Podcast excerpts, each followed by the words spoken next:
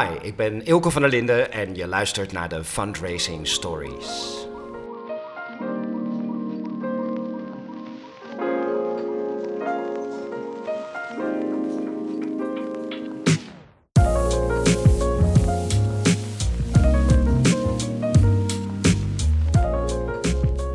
Welkom bij Fundraising Stories, een podcast van het vakblad Fondsenwerving. Mijn naam is Petra Hogewerf en ik spreek vandaag met Ilko van der Linden.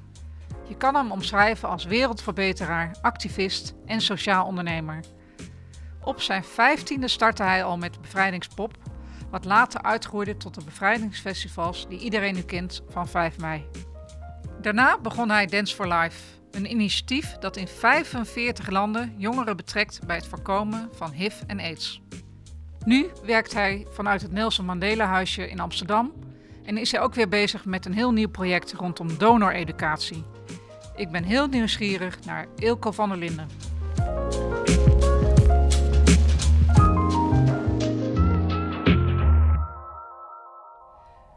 Onverschilligheid is het ergste wat er bestaat en dat zit mij eigenlijk mijn hele leven al dwars. Dat mensen in staat zijn om de andere kant op te kijken terwijl je een rol kan spelen. Ilko van der Linden zei dat. En ik ben heel blij dat we hier zitten in het Nelson Mandela huisje. We kijken uit op de Amsterdamse Eihaven. Welkom. Dankjewel. Kan je misschien iets zeggen over die zin, over die onverschilligheid? Is dat een thema die je al lang bezighoudt? Ja, ik denk echt dat dat het, het ergste is wat er is. Ehm, ze zeggen wel eens tegenover liefde staat haat, maar met haat voel je nog iets. Dan ben je nog betrokken. onverschillig is dat je gewoon wegkijkt. Dat je gewoon niet verantwoordelijkheid neemt. En als je ook kijkt naar het woord responsible, hè, we zijn allemaal able to respond. Waarom zouden we dat niet doen? En elk probleem kan opgelost worden. Er is meer dan genoeg uh, denkkracht in de wereld. En er is meer dan genoeg geld in de, probleem, of de wereld. Dus um, het is alleen maar een kwestie van leiderschap en focus en wilskracht. Um, en, en ja, daar kunnen natuurlijk projecten en campagnes een hele goede rol in uh, spelen. En um, een andere quote van mij, ik dacht dat je die ging. Je zegt, ik ga een quote van jou, daar ga ik mee beginnen. Een andere quote van mij is creating heart connections. Ik geloof dat het daarin zit. En je kan iemand overladen met informatie, maar dan gaat hij nog niet 1, 2, 3 iets anders doen. Maar als je hem echt in dat hart geraakt hebt, dan, dan gaat er vaak wel wat gebeuren. En uh, nou ja, daar moeten we zijn voor de verandering. Dus die twee hebben misschien ook wel met elkaar te maken. Hè? Dus de onverschilligheid en iemand toch kunnen raken, waardoor die zich misschien wel het verschil wil gaan maken. Ja, dat denk ik wel. Ja. En, uh, en dat is wel een beetje mijn, mijn levensjob geworden om daar steeds weer iets nieuws voor te bedenken. Met kunst, cultuur, muziek, evenementen, social media, dialoog. Voor allerlei doelen mensen zo in het hart raken dat ze toch aan de slag gaan voor iets waarvan ze dachten: Nou, ik, zou ik dat doen? Ja, dat gaan ze dan toch doen. 9 van de 10 mensen zijn toch niet te beroerd om, uh, ja, om, om ergens voor geraakt te worden. Ja, ik, ik, voel die passie in, in jouw woorden, hè, die je zegt. Uh, ik, ik, zou eigenlijk terug willen gaan naar, naar uh, nou, toen je puber was en eigenlijk volgens mij jouw eerste maatschappelijke missie ontstond. Ja. Uh, want je was al vrij jong toen je begon met bevrijdingspop. Ja, de, eigenlijk op mijn dertiende was het allereerste. Dat ja. uh, is wel relevant ook voor de plek waar we nu zitten, in het Mandela-huisje. Dat, uh, de allereerste actie die ik ging doen was geld en handtekeningen ophalen voor Mandela. Ik kon me gewoon niet voorstellen dat iemand daar dus om zijn kleur gevangen zit. En dat we daar als hele wereld gewoon weer onverschillig op zouden zijn. Dat is toch niet normaal. En, um, en dan ga je dus met heel veel mensen over de hele wereld overal aanbellen, handtekeningen, geld ophalen. Nou, en ik heb daar ook voor het eerst meegemaakt dat mensen de deur in je gezicht gooien. Maar ook dat je per keer eigenlijk je verhaal steeds een beetje kan aanpassen en, en, en verbeteren. Dus dankzij de mensen die hem soms in je, in je, de, die deur in je gezicht smijten, ja. kan je toch een bepaald moment beter worden en mensen raken en meekrijgen. En, uh, nou ja, en al die miljoenen mensen die over de hele wereld uh, aan de slag zijn gegaan. En die artiesten die songs hebben geschreven, de concerten die er in Wembley zijn geweest. Um, nou, en alle acties zijn toch, is uiteindelijk toch ook Mandela vrijgekomen. En, uh, Want dat was de periode dat hij nog gevangen zat? Ja. En ehm, nou ja, dus dat kun je daar met route was ik dus ook 13. En ja. uh, om mijn vijftiende um, stapte mijn vader, die uh, actief was geweest voor het voormalig verzet, uh, mijn kamertje binnen. En die zei van, van ja, ik heb vandaag weer op school verteld, maar ze luisteren niet. En um, wat, wat kan ik nou toch doen om dat verhaal erbij te houden? Ik zeg, nou ja, misschien iets minder praten, misschien moeten we muziek gebruiken. En dus toen, toen zei ik, nou, misschien moeten we wel gewoon elk jaar op 5 mei een concert organiseren. En zei, ja, maar, maar maar hoe dan? Ik zei, ja, ik ga het wel proberen. En toen heeft hij het eerste honderdje op tafel gelegd. Ja. En dat noem ik nu vaak een honderdje voor een wondertje. Want dat heeft hij aan een jongen van 15 gegeven die nog nooit een concert had georganiseerd. En toen ging ik uh, de stad door en uh, ik vond een zaal. Ik ging naar de gemeente en die gaf de zaal gewoon cadeau. En uh, ik zat zelf in bandjes, ik haalde er andere bandjes bij. Ik ging naar het stedelijk gymnasium waar ik op school zat en daar drukten ze het pamflet wel. En de melkbuur gaf het drinken. En uh, ik heb twee broers, de ene is advocaat en die ging de contracten wel doen. Ja. En de andere is bodybuilder, dus die deed de security wel. En, uh, en zo is de eerste bevrijdingspop geboren. En elk jaar werd dat groter en groter. En nou, nu zijn er 1 miljoen mensen per jaar op de been voor bevrijdingspop. Nou, ongelooflijk. En, en even dat, dat eerste honderdje, want hè, we, we hebben het ook over fondsenwerving in dit interview. Ja. Uh, ik weet uit ervaring dat het eerste honderdje vaak het moeilijkste ook is, hè, om binnen te krijgen. Dat is waar. Nou, mijn vader, eh, daar dank ik hem nog steeds voor. Hij is helaas twee jaar geleden overleden. Maar mm -hmm. uh, ja, hij heeft toch een ontzettend lef gehad om dat honderdje op tafel te leggen. En de ja. eerste moeten we allemaal met alle projecten over de hele wereld uh, super dankbaar zijn voor de mensen die het lef hebben om het, om het, ja, om het durfkapitaal op tafel te leggen. Hoeft niet groot te zijn, maar ja. er zijn volgens mij zoveel mooie ideeën die uh, tot wasdom kunnen komen als we iets meer vertrouwen in elkaar zouden kunnen hebben. En, uh, maar op een bepaald moment had ik ook mijn eerste sponsor, de Algemene Spaarbank Nederland. Ja. En uh, ik weet nog dat de directeur heette Piet Boef. Dat vergeet je nooit als je bij een bank binnenkomt. En, uh, nou ja, en, en, en zo ga je van het een naar het ander. Dan gaan er meer mensen in geloven. En, uh, en, en zo werkt dat dan. Dat, omdat, het dan. omdat anderen erin geloven, geloven weer nieuwe mensen erin. En zo gaat het als een omgekeerde piramide steeds groter. En, maar het, het, begon ook inderdaad met je familie en je vader en, en je broers. En, en, daar, en de cirkel eromheen werd eigenlijk steeds breder qua ja. principe. Ja, klopt. Is, heb je dat later ook zo aangepakt? Of, of? Ja, ik geloof het wel. Dat ik nog steeds bij elk project wat ik opzet, eerst uh, ja, niet meer mijn familie, maar gewoon ja, he, he, de vrienden en kennissen en mensen die ik van andere projecten heb leren kennen, om de wieg verzamel. Zodat er uh, heel veel mensen klaarstaan om het kind te beschermen en uh, op te tillen. En ik noem het vaak ook caretakers die jou weer verbinden met mogelijke donoren. Mm. En, um, en dan kan je met elkaar ontzettend sterk zijn. Ja, dus dit is niet alleen maar het geld geven, maar het geeft eigenlijk aan een cirkel van vertrouwen die je om, om je concept ja. heen zet, waardoor je verder kunt doorpakken. Ja, ik, ik, heb, ik heb wel eens een simpele uh, studie uitgewerkt op, op, op, uh, op, op uh, nieuw business. En, en heel veel mensen daarop aangevraagd van nou, waar, waarom dan? Waarom wil je iets dan? En het, 90% is, gaat om, om de, de, het vuur, de passie, het, dat, dat ze geraakt zijn, de creativiteit. Uh, daar scoor je vooral op. Uh, maar de, uh, de hand blijft boven het contract hangen als die laatste 10% niet geregeld is, als het niet safe is. Nou, ja. safe dat kun je doen door de ambassadeurs die je betrekt, de bestuursleden, de structuur, de accountant, de rapportages, al die dingen die we meer de Duitse kant noemen. Ja. maar het vuur zit hem in de Franse kant. En, uh, en helaas zijn heel veel mensen het andersom aan het verkopen. Zijn 90% van hun tijd stoppen ze in allerlei brave dingen. Uh, en 10% als we geluk hebben, zit in de passie. Ja, dat is niet genoeg. En dat, dat zien we ook bij elke verkiezing. Uh, elke, elke kandidaat over de hele wereld die zichzelf probeert te verkopen met... ik heb toch ervaring. We hebben het met Hillary gezien. Ik heb toch ervaring. Ik heb, ik heb het toch jaren gedaan. Ik heb een goede opleiding. Mij kun je vertrouwen. Ja, weet je, de, de, de, meerderheid van de mensen wil gewoon gepassioneerd zijn. Ja. En, en dan hopen ze daarna dat de rest ook nog goed zit. Ja, want bij, bij uh, maatschappelijke onderwerpen gaat het natuurlijk om die passie. Omdat je met lef ook iets moet proberen te durven te veranderen, denk ja. ik. En in die, die periode dat je met dat bevrijdingspop uh, begon... Uh, hoe werd er toen gekeken naar die bevrijding? Het is toevallig net na bevrijdingsdag. Ja. Leefde dat toen? Of, of... Nou, ik, ik wil nog wel één ding toevoegen aan wat je net zei. Ik denk namelijk dat het uh, voor uh, bedrijven en producten ook geldt. Dat als mensen moeten investeren in jouw mm -hmm. concept, in jouw bedrijf, in je nieuwe onderneming. mensen willen toch echt wel zien dat je daar een vuur voor hebt. Want dat is ook wat je overeind houdt als je op een keer heel moe bent, als je ziek bent, als je tegenslagen hebt. Dat, dat maakt eigenlijk de kracht, je, je doorzettingsvermogen. En dan ben je eigenlijk ook een zevere investering. als iemand een beetje, nou ja, ik, heb, ik ga ook de hond uitlaten. Ja, weet je, bedoel, hoe kan je dan verwachten dat die andere gepassioneerd is om jou te gaan steunen? Ehm, dan terug naar jouw vraag. Nou, de, de 5 mei was vooral een feestdag op de kalender in je wc. Dat was, dat, dat was nog niet veel. Dat, uh, één keer per vijf jaar deden we er iets mee, maar dat was natuurlijk uh, eigenlijk verdrietig. Want uh, we moeten toch steeds weer nieuwe methoden ontwikkelen om de jonge generatie in het hart te raken voor thema's als ja, vrijheid en, en, en het voorkomen van racisme, discriminatie en dictatuur. Ja, daar moeten we iedereen alsmaar bij houden.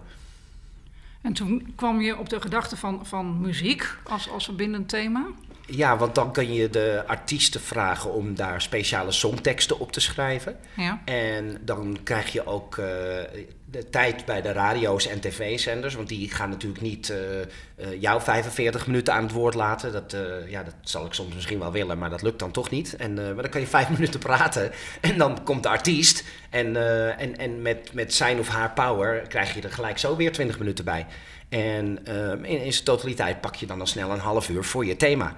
En, uh, maar muziek is meer dan een, een truc om aandacht te krijgen. Je, muziek, uh, ik, kan, ik kan jou straks misschien vragen van... kun je een paar tunes uh, luisteren... en dan weet je precies welk merk daar opeens aanhakt. Zelfs al zou je ontzettend anti-reclame zijn... dan gek genoeg, de, de, de, de grootste hater van reclame... kan toch door bepaalde muziektunes weten wat het is het, het doet iets met je. Uh, bepaalde songs herinneren je aan hele fijne herinneringen, aan verliefdheden en whatever. Muziek gaat zo naar je hart. En kunst uh, en muziek, dat kunnen prachtige middelen zijn om mensen dus bij sociale doelen te betrekken. Maar wat je later met Dance for Life natuurlijk ook weer bent gaan toepassen. Ja, en dan ook nog als een soort beloning. Zo van, uh, van ja, als je nu aan de slag gaat voor Dance for Life, hè, dat is een van mijn projecten geweest, dan, dan kun je aan het eind een, uh, een groot danceconcert uh, met de beste DJ's krijgen. Ja. En dan doe je ook iets met, ehm, ja, met, met de de coole boys in de klas die eerst denken, nou, goede doelen, dat is toch voor meisjes en studiebollen. En uh, nou ja, wacht, ja. dan moeten ze opeens, dan zijn ze opeens wel heel dom bezig als ze niet ook betrokken raken. En uh, dus je moet steeds weer nieuwe manieren vinden om iedereen, uh, ja, om iedereen te willen raken.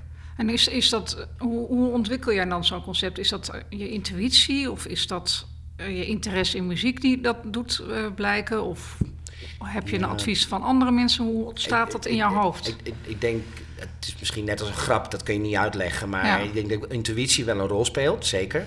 En uh, luisteren, lezen, um, testen. Um, veel met de doelgroep zelf natuurlijk. Van, dat, dat heel erg volgen en kijken van nou wat werkt daar.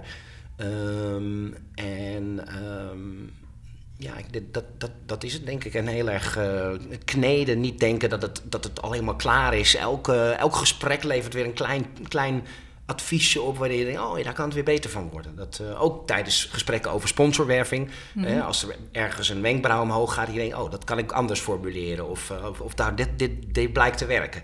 En uh, dus je, het moet heel erg, alles wat leeft beweegt. Dus ook je concept moet kunnen bewegen, moet ademen en, en vibreren en, en mee, mee dansen.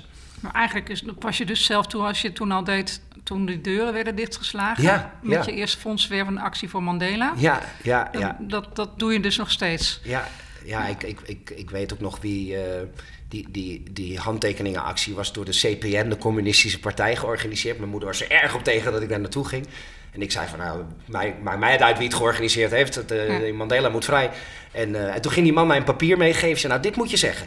Bij elke deur moet je zeggen dat, het, uh, dat hij vastzit vanwege het kapitalisme en het kolonialisme en uh, de uitbuiting van de onderdrukte groepen. En ik kreeg het bijna mijn mond niet uit, maar ik, probeerde het toch.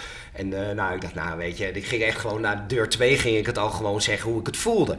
Van, nou ja, dit kan toch niet? Dat daar iemand vastzit vanwege zijn kleur? Dat gaat toch niet gebeuren? En dan wist u dat, weet je? En dan, en dan kreeg je heel vaak een tik op je rug. Ja, ja, alsjeblieft, heb je een tientje. Ja, doe je best, jongen. En uh, dus aan het eind had ik by far de meeste handtekeningen en by far het meeste geld. En zeg, wat heb, hoe heb je dat gedaan? Ik zeg, nou, door gewoon bij de tweede deur jouw tekst dan niet meer te gebruiken. nou, bij die partij was ik niet meer welkom.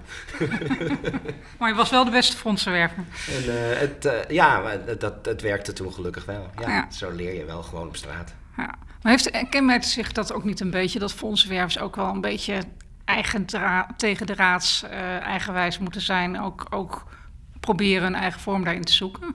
Ja, ik denk het wel.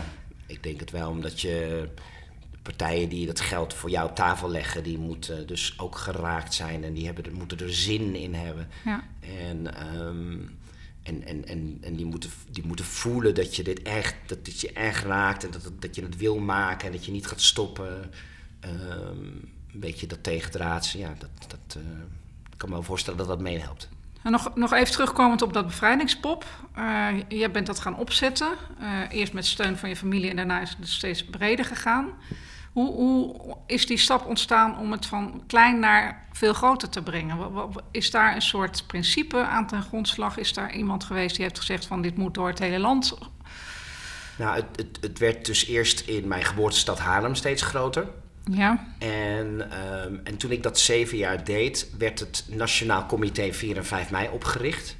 En, um, en dat nam contact op en die zei van nou, we hebben nou een uh, groot bevrijdingspop in Haarlem. Er is overigens ook een bevrijdingsfestival in Amsterdam.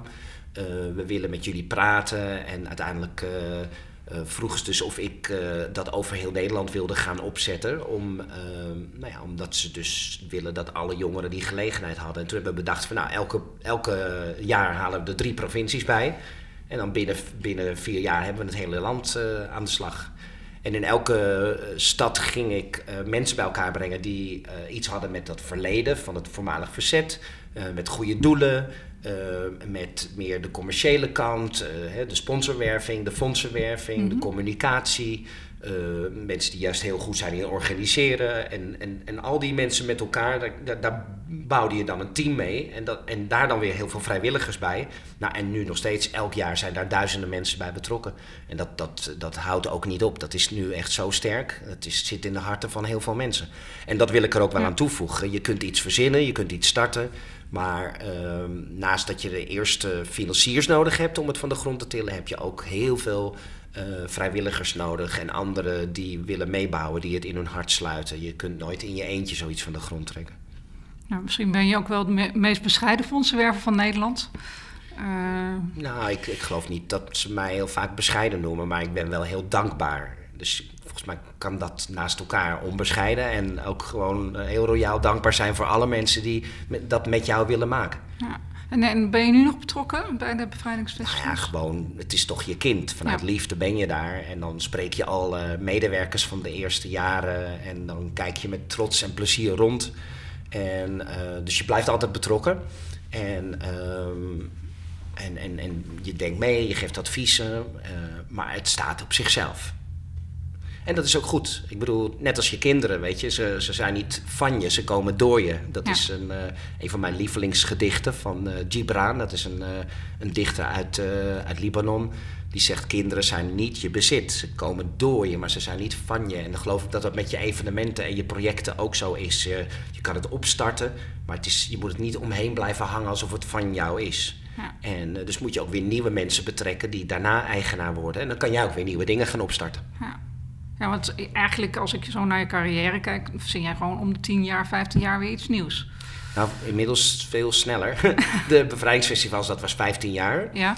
En toen, um, maar toen in de laatste jaren was ik toen ook al het uh, 5 mei concert voor Carré op de Amstel gaan opzetten. En dat heb ik zeven jaar lang gedaan voordat ik dat losliet.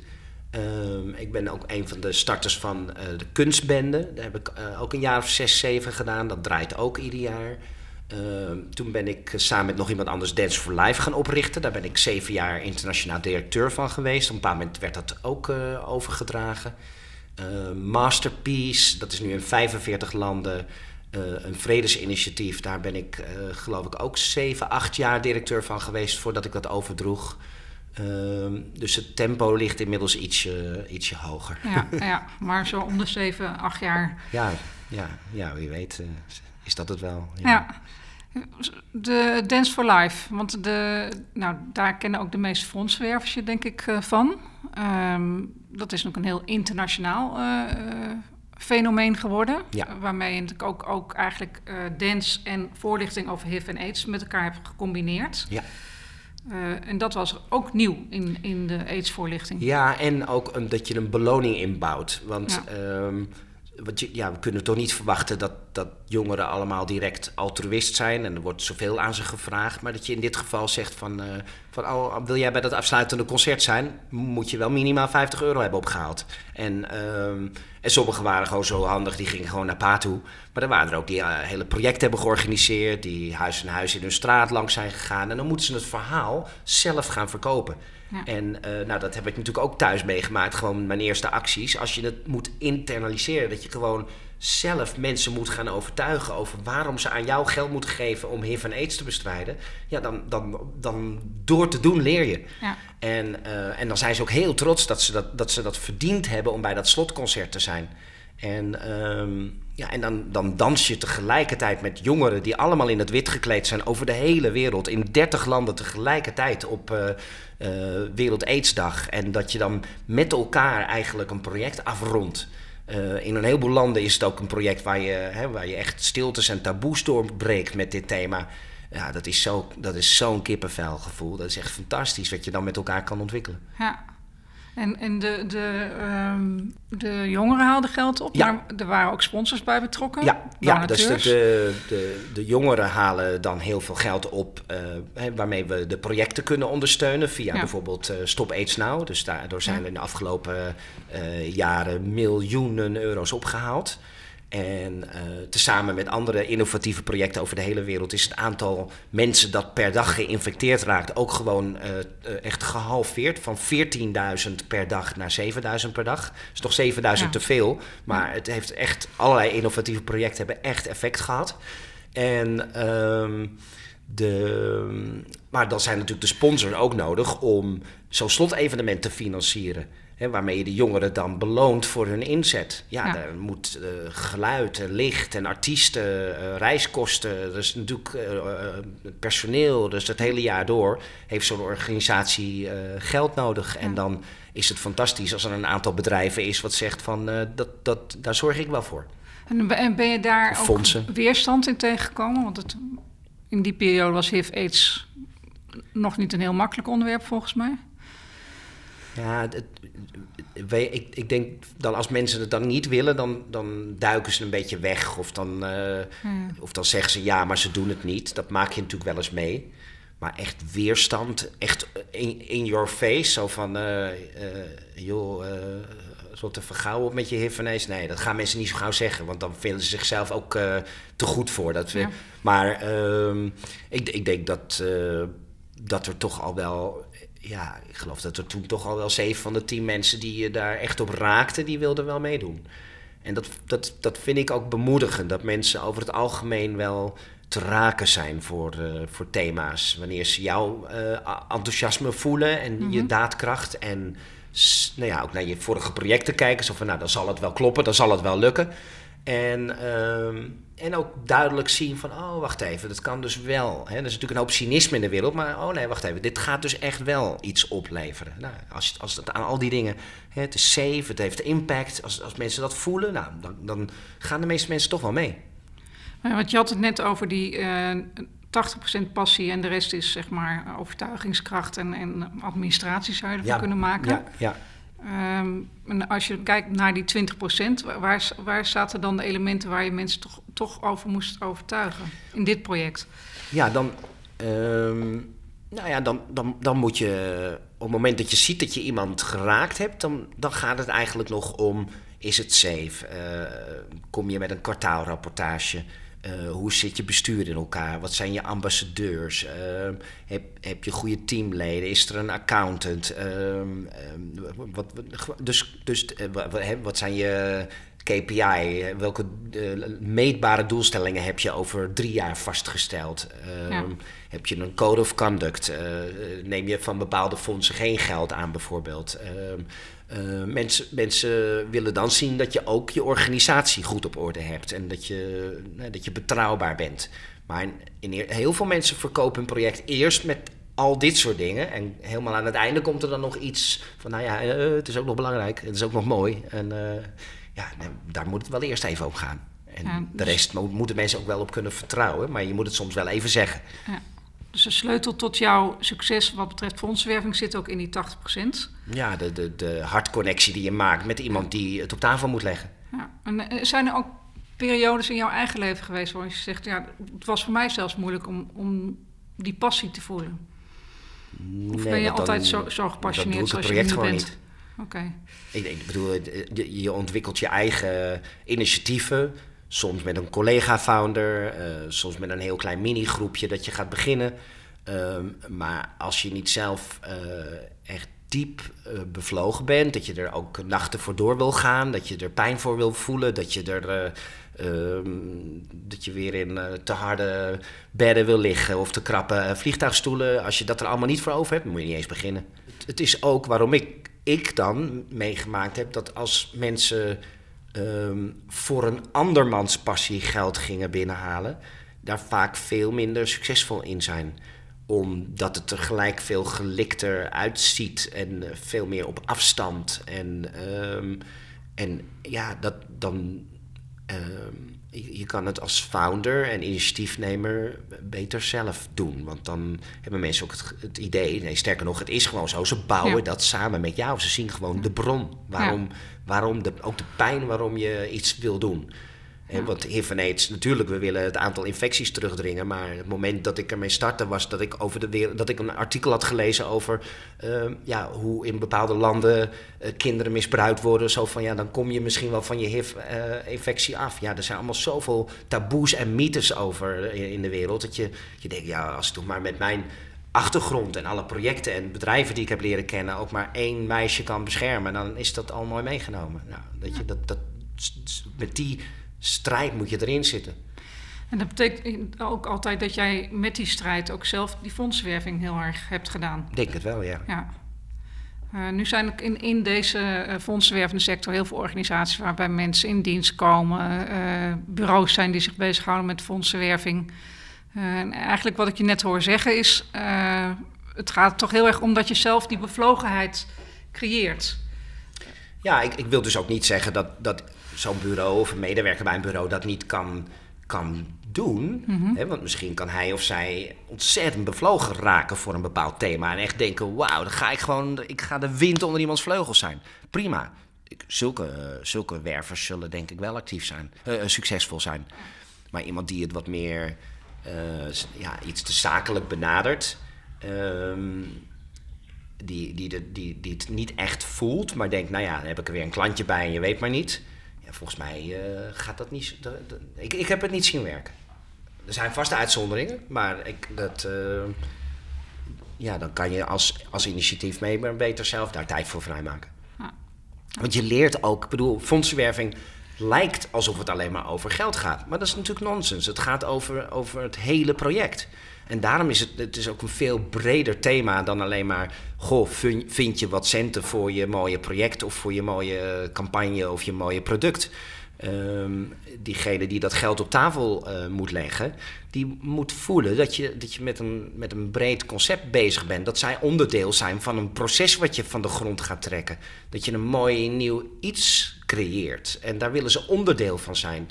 Dus ik, ik noem iemand ook volgens mij al twintig jaar niet meer sponsor. Dat is zo'n idioot woord. En dan denk je ook aan een spons wat aan een oor vast zit. En um, ja, nee, je, je, iemand is een, een, een co-creator. Uh, iemand is in een, ik noem dat, dat iemand nodig ik uit om onderdeel te zijn van een founding circle rondom een project. Iemand is een caretaker rondom de wieg van een nieuw kind. Um, dat is fondsenwerving. En dan, ja, wacht, dan zit je er ook met veel meer passie in wanneer je dat geld op tafel legt. Ja, je geld heb ik wel nodig, maar eh, daarna eh, heb ik ook je netwerk nodig en je liefde en je, en je betrokkenheid. Dat, dan, dan wordt het echt iets.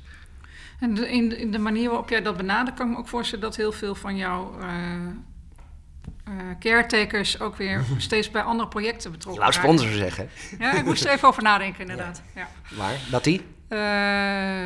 Ik ga het voortaan ook gewoon caretakers noemen. Ja. Dat zij, nou je hebt, je hebt uh, bevrijdingspop gedaan, je hebt daarna uh, Dance for Life gedaan, toen ben je met Masterpiece begonnen. Ja. uh, ik kan me ook voorstellen dat sommige bedrijven of, of founders uh, jou blijven volgen. En wat ja, je doet. En, en, en, personeelsleden en vrijwilligers, uh, omdat het ook echt leuk is om zoiets moois van de grond te trekken. Ja. En, ehm, dus, dus ja, en, en anders helpt het wel doordat ze zien dat anderen hen voor zijn gegaan. Dat ze dan denken, nou, dan vertrouw ik het wel. En ehm, dus dat is, dat is het, het voordeel wat je dan inmiddels hebt. En dan nou ja, twee jaar geleden heeft uh, Eberhard van der Laan mij dan tot, tot uh, officier in de orde van Oranje Nassau gemaakt, weet je wel. En dan krijg je nog een oorkonde van Ban Ki-moon erbij, van de VN. En uh, ja, al die dingen helpen dan wel bij mensen die nieuw aan boord komen. Zo van, nou ja, dan zal het, dan zal het wel goed zijn. Zal het wel goed zijn. Ja. En um, terwijl natuurlijk net, net als met aandelen, ik bedoel, succes uit het verleden is geen garantie voor de toekomst. Je moet er altijd weer, je bent zo goed als je laatste wedstrijd. Ja. Maar um, doordat heel veel mensen het vertrouwen, heb je wel, bij, heb je wel tien strepen voor.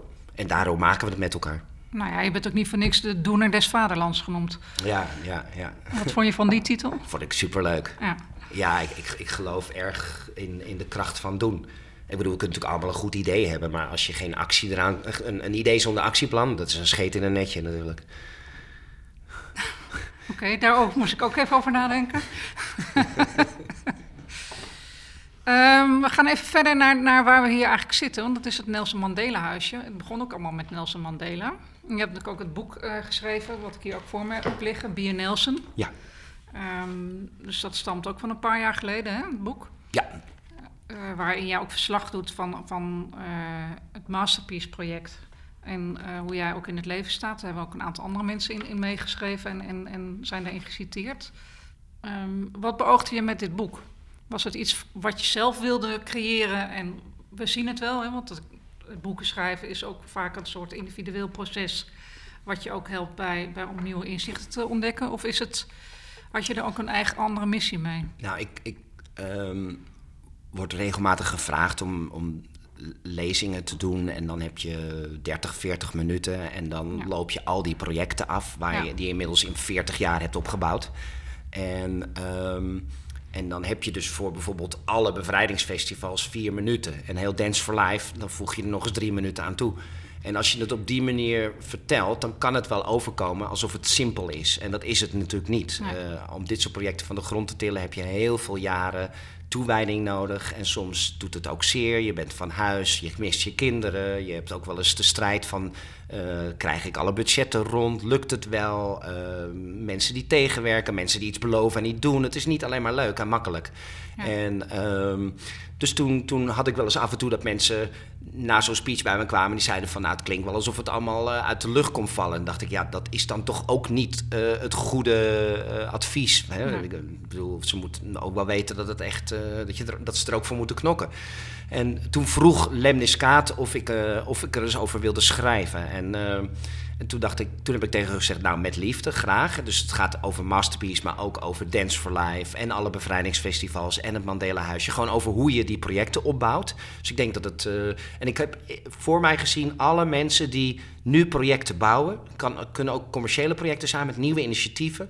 Uh, maar zeker maatschappelijke initiatieven. Of dat uh, overwegen te gaan doen. Dat die een heleboel lessen meekrijgen die ik in ieder geval zelf heb uh, meegemaakt. Niet zo van zo is het. Hè, want ik hou zelf ook niet van die goeroeboeken, maar meer van, van oh ja, wacht even. Nou, dat werkte voor hem, daar ga ik mijn voordeel mee doen.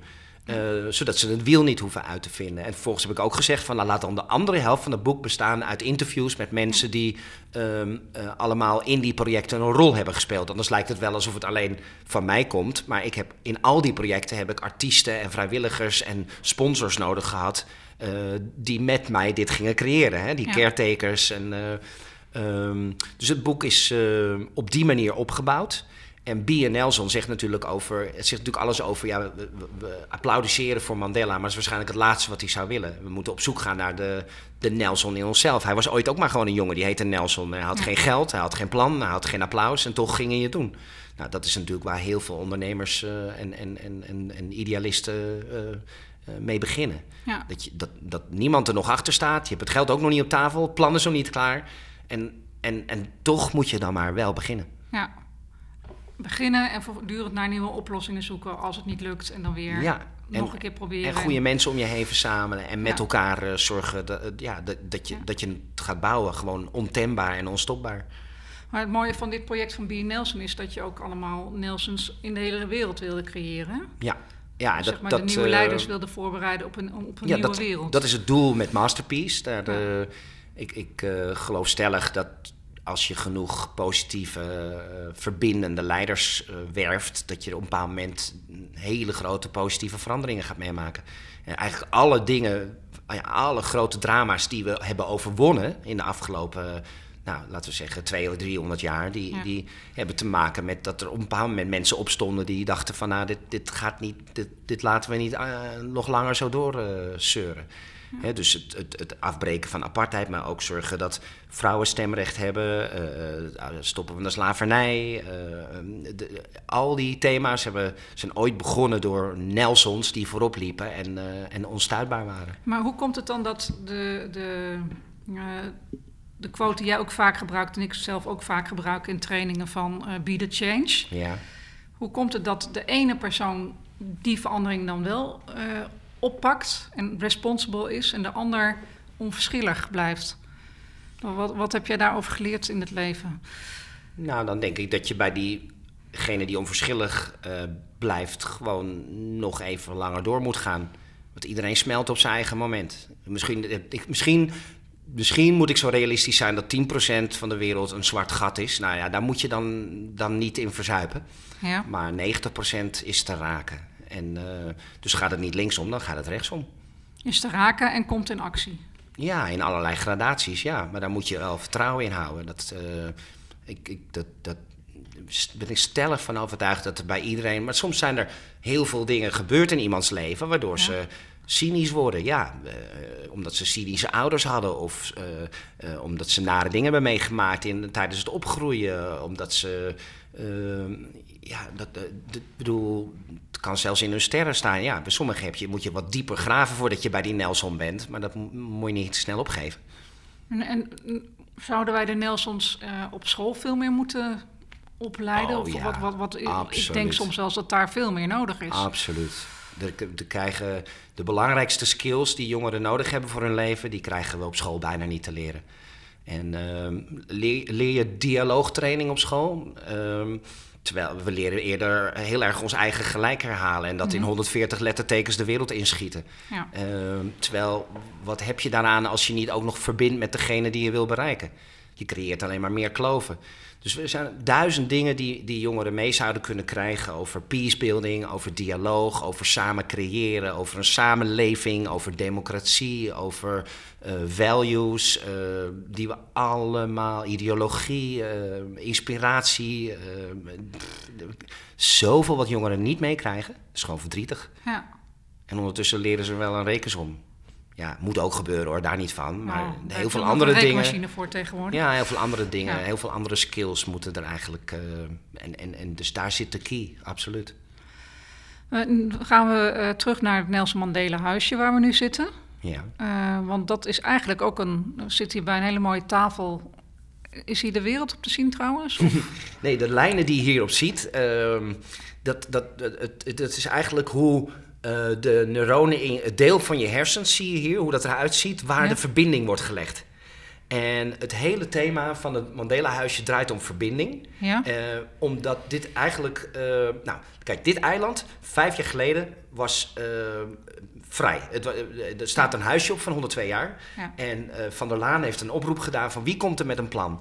En toen dacht ik van nou, als we toch op dit eiland het gedachtegoed, de filosofie van Mandela kunnen eren, de Ubuntu-gedachte. De Ubuntu-gedachte betekent eigenlijk je bestaat vanwege de ander. Dat is een hele Afrikaanse filosofie. ja. Ehm, ja, als we dat hier in het midden van een wereldstad kunnen uitdragen, dan lijkt me dat een hele goede zaak. Nou, hoe kun je dat dan vormgeven? Ehm, door, om te beginnen, mensen te helpen met mediation. Er zijn ontzettend veel mensen die dag in dag uit met ruzie leven en niet eens weten hoe ze erbij geholpen kunnen worden. Ja. Er zijn 700.000 mensen, bijna net zoveel als er in Amsterdam eh, wonen, die morgen willen verhuizen vanwege de ruzie met hun buren. Kun je nagaan. En is er, elke dag komen ze met drama thuis. En dat drama leven ze dan weer op hun kinderen af. Allemaal verdriet. Dus ik dacht, nou, ik heb een test gedaan hier in Amsterdam-Noord. 70% dacht dat mediation hetzelfde is als meditatie. Dus als je niet eens weet wat mediation is, hoe kan je er dan uh, mee geholpen worden? Dus ik heb 14 mediators gevonden die gratis hulp geven aan mensen met conflicten. Of ze dat nou met hun relatie hebben, of met een familie, of met een werkgever, of met mensen in de buurt. Wij helpen gewoon hun conflicten te ontrafelen. Nou, dat is één. Uh, het tweede is dat heel veel mensen ook niet meer verbonden zijn aan de droom die ze voelen. Dus uh, sociale ondernemers help ik op weg. Ik kies er elke maand eentje uit. Die help ik gratis op weg. Gewoon alles wat ik geleerd heb, mag je hebben. Ik heb het ook ja. gratis gehad, dus hier heb jij het gratis. Doe je best. Ja. En, uh, dus dat is twee. Dan is dit niet een verzoenkamer, maar dan is het een droomfabriek. En, eh, maar het is ook een plek waar mensen kunnen trouwen. En deze tafel kan ik openklappen en in vijf minuten ombouwen tot een bed. En dan is het ook een, een bed waar uh, huwelijksnachten genuttigd kunnen worden. Dus alles in deze kamer draait rondom uh, liefde, verbinden, dromen, conflicten oplossen, tot elkaar komen. Uh, goede doelen krijgen hier korting. Ehm, dus alles, ja, alles heeft een positieve energie. En ehm, uh, morgenochtend zit er weer een jeugdtheatergroep. En dan zit er weer uh, een, een, Women Empowerment Entrepreneurship groep. En dan, uh, het is een komen en gaan van, van hemelbestormers. Ja, voor de mensen die dit niet zien, we zitten midden in het ei, zou je kunnen zeggen. Met Ja. uitzicht op in de verte het Java-eiland, Amsterdam-Noord en het Centraal Station. En eh, er komen dus allemaal mensen hier naartoe. Vooral in de zomer, denk ik, ook om Ja. op het terras te zitten. Eh, je zegt dat hier ook goede doelen naartoe komen. Wat- doen die hier dan? Nou ja, brainstorms bijvoorbeeld. Oké. En dan is het natuurlijk heerlijk om op een, op een plek te zitten waar ik... Vroeger dacht iedereen dat je dan naar de hei moest, maar dan heb je weer CO2-uitstoot en dan moet je Ja. er helemaal heen, dan sta je in een file.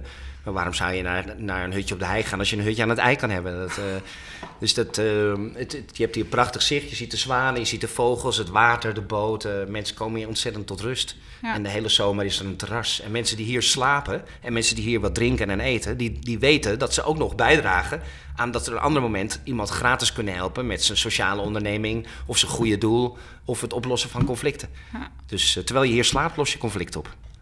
Ja, lekker hè? Ja, ja.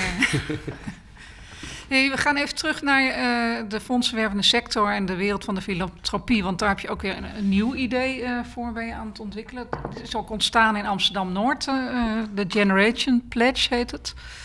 Ehm, je vertelde mij dat, dat je bij een bijeenkomst was hier op Amsterdam-Noord. Ja. eh, bij een bekende toren. En dat daar een paar jongere miljonairs aan het praten waren. En dat je zei, hé, hey, ik zou wel wat voor jullie kunnen doen. Na twee eh, wel eens. miljonairskinderen uit eh, eh, Brazilië, waarvan Ja. één in New York woont, die, ehm, ja, die, die realiseerden zich ten volle hoe in de komende 20 jaar eh, maar liefst eh, 31 eh, triljoen eh, vererfd gaat worden aan, eh, nou ja, aan, aan, aan andere eh, miljonairskinderen.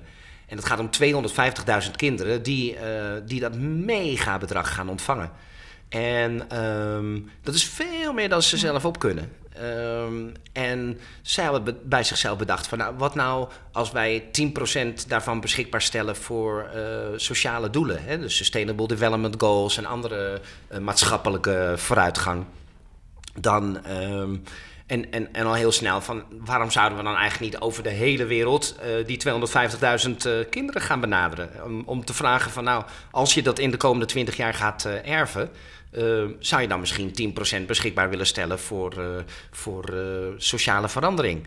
En ehm, nou, dat zijn we eigenlijk gewoon nu aan het doen. Eh, we gaan over de hele wereld gaan we de, de toekomstige miljonairskinderen benaderen. Van, nou, is, is dit iets voor jou? Dat heet Generation Pledge. Dat je Ja. verklaart dat zodra je dat geld gaat erven, dat je dan binnen vijf jaar 10% beschikbaar wil stellen voor, voor sociale doelen.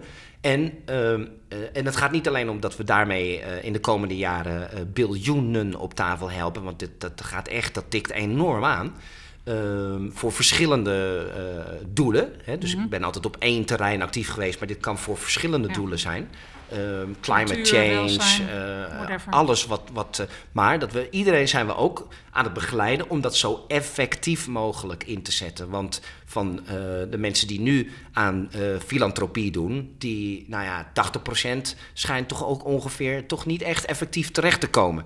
En toch vooral leuk te zijn en, en goed gevoel te geven. Maar waar we naartoe moeten is dat natuurlijk ja, het liefst 100% heel erg effectief is. Ja. En ehm, om je een voorbeeld te geven, je, je denkt al gauw van nou, ik, heb, ik heb nu geld, dus ik ga bijvoorbeeld zorgen dat een aantal kinderen in India een bordje eten krijgen. Nou, dat is natuurlijk voor die kinderen fantastisch. Maar als je zoveel geld hebt, kun je beter met een aantal organisaties gaan uitdenken hoe je in de komende twintig jaar aan een systematische verandering van de voedseldistributie komt. Want dan hakt het er voor miljoenen kinderen in. Ja. En uh, dus waar het om gaat, is dat we mensen ook, uh, dat heet dan donor education, aan de hand meenemen naar wat is nou eigenlijk het meest effectief.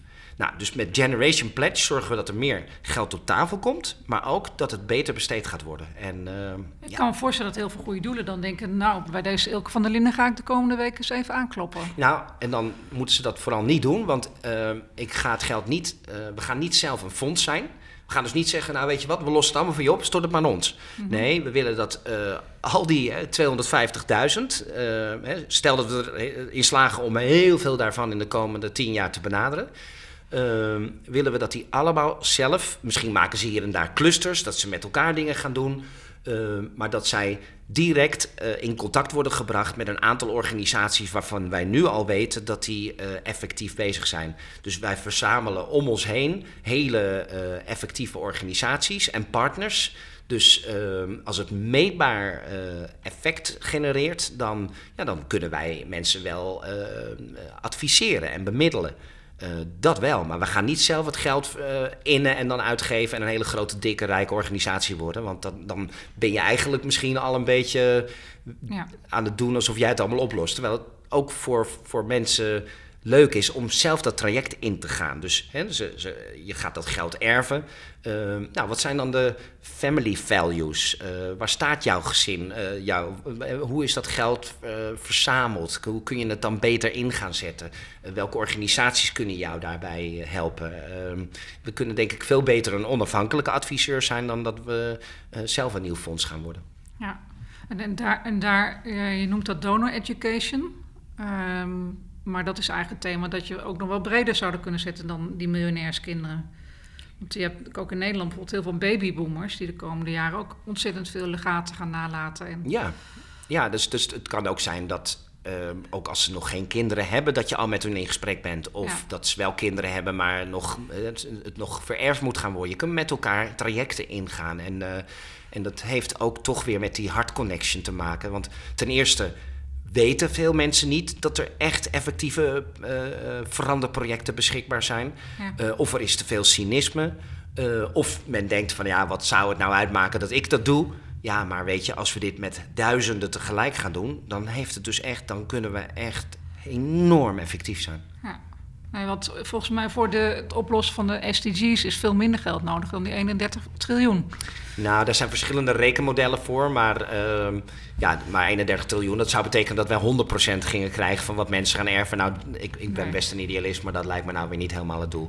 Ik denk dat mensen ook wel iets voor zichzelf willen houden. Ja. Maar met 10% komen we ook al een heel eind. Zeker weten, heel ja. erg. En dat ja. zet ook de toon. In sommige landen uh, is, er, is er ook maar een, alleen nog maar één generatie die, uh, die dat geldt. Zoals in China. Dat is dan voor het eerst dat mensen daar kunnen bedenken van... oh, wacht even, ik kan misschien wel een bepaald percentage... ook voor goede doelen beschikbaar stellen. Ja. Um, een deel van die kinderen hebben natuurlijk ook ouders die al wel een goed doel hebben opgericht. En neem de Bill Gates en uh, dergelijke. Ja, maar de overgrote meerderheid niet. En, okay. en soms zijn het doelen die, uh, die niet zo effectief zijn. En soms zijn het ook doelen waarvan de kinderen zeggen: Nou, dat is mooi van, voor jullie, maar ik wil iets voor mezelf. Ja. Um, dus waar, waar wij in mee willen werken is um, ja, om die jonge generatie. Uh, um, aan de hand te nemen om zoveel mogelijk op tafel te leggen. Daar heel erg royaal in te, te durven zijn. En te zorgen met elkaar dat dat zo effectief mogelijk terechtkomt. Ja. Nou, het klinkt als een uh, fantastisch project. Uh, ja, en het is ook heel meetbaar, want over drie jaar, ja. iedereen die nu mee wil bouwen aan dit project, ja. nou, die moet vooral wel bij mij aan de deur kloppen. En het mooie is, dan staat het er gewoon over drie ja. jaar. Weet je wel, dan hebben we gewoon honderden mensen, miljonairskinderen die dat getekend hebben, die daar mee gaan doen, waardoor er biljoenen op tafel ligt. Het, het, uh, en de, de scheppingskracht die we met elkaar kunnen hebben, door gewoon simpel te zeggen, we gaan het doen, ja, die is amazing. En zo was het ook bij die andere projecten. Als we gewoon beginnen en zeggen, wij gaan daarvoor zorgen, dan staat het er vijf jaar later. En hoeveel, hoeveel miljonairskinderen doen nu al mee? En we hebben er nu al 26 binnen. En, uh, en, en, en we willen uh, binnen drie jaar willen we op minimaal 300 staan. En dat die 300 dan ook allemaal zo effectief bij ons betrokken zijn dat, dat, dat ze daarna uh, kunnen zorgen voor een gigantische ja, omgekeerde piramide. Dus in feite hebben we daar ook weer het eerste honderdje te pakken, zoals je vader dat ooit, ooit aan jou gaf. Absoluut. En, en ben je ook weer bezig met dat thema onverschilligheid op een andere manier te benaderen? Ja, ja en, en, en, en inderdaad, die, als die bron maar sterk genoeg... Ik, ik heb in Afrika bij de, zowel uh, de, bron van de Nijl in uh, Oeganda gestaan als in uh, Ethiopië. En dan zijn het eigenlijk maar vrij lullige bronnetjes. En als je dan later in, in Egypte ziet waar het toe geleid heeft... en dat miljoenen mensen dan van die Nijl kunnen leven. Weet je wel, dus je, ja, die, die, dat, is, dat is interessant om te, te, te zien dat het al het grote start wel ergens in het klein. Ja. En ieder mens kan die verandering beginnen. Geloof ik stellig.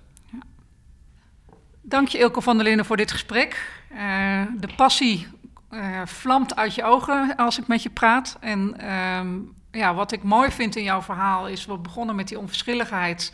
Uh, en die onverschilligheid is denk ik wel een thema dat, dat, dat, je in heel veel van je projecten hebt meegenomen. Maar jij bent ook juist heel erg overtuigd dat ieder mens een verandering kan bewerkstelligen op zijn eigen manier. En met dat laatste project, Generation Pledge ga je nu een heel nieuwe doelgroep aanspreken, de miljonairskinderen. Maar ik kan me voorstellen dat dat een soort, uh, ja, bijna een steen in de vijver is van veel meer geld. Uh, waarin we mensen kunnen mobiliseren, nog meer geld gaan bijdragen aan de Sustainable Development Goals, die zo helder ook zijn in de werelddoelen.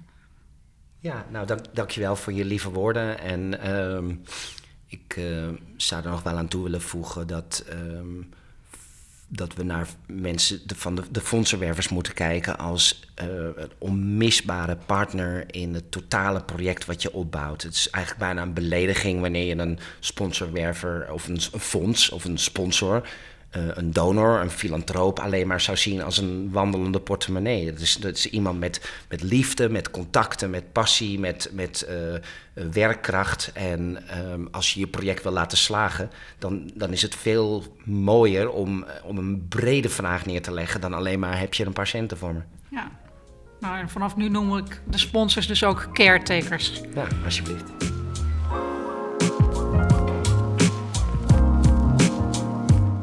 Leuk dat je luisterde naar Fundraising Stories, de nieuwe podcastserie van Vakblad Fondsenwerving in samenwerking met Verleda, geproduceerd door Marijn Thijs.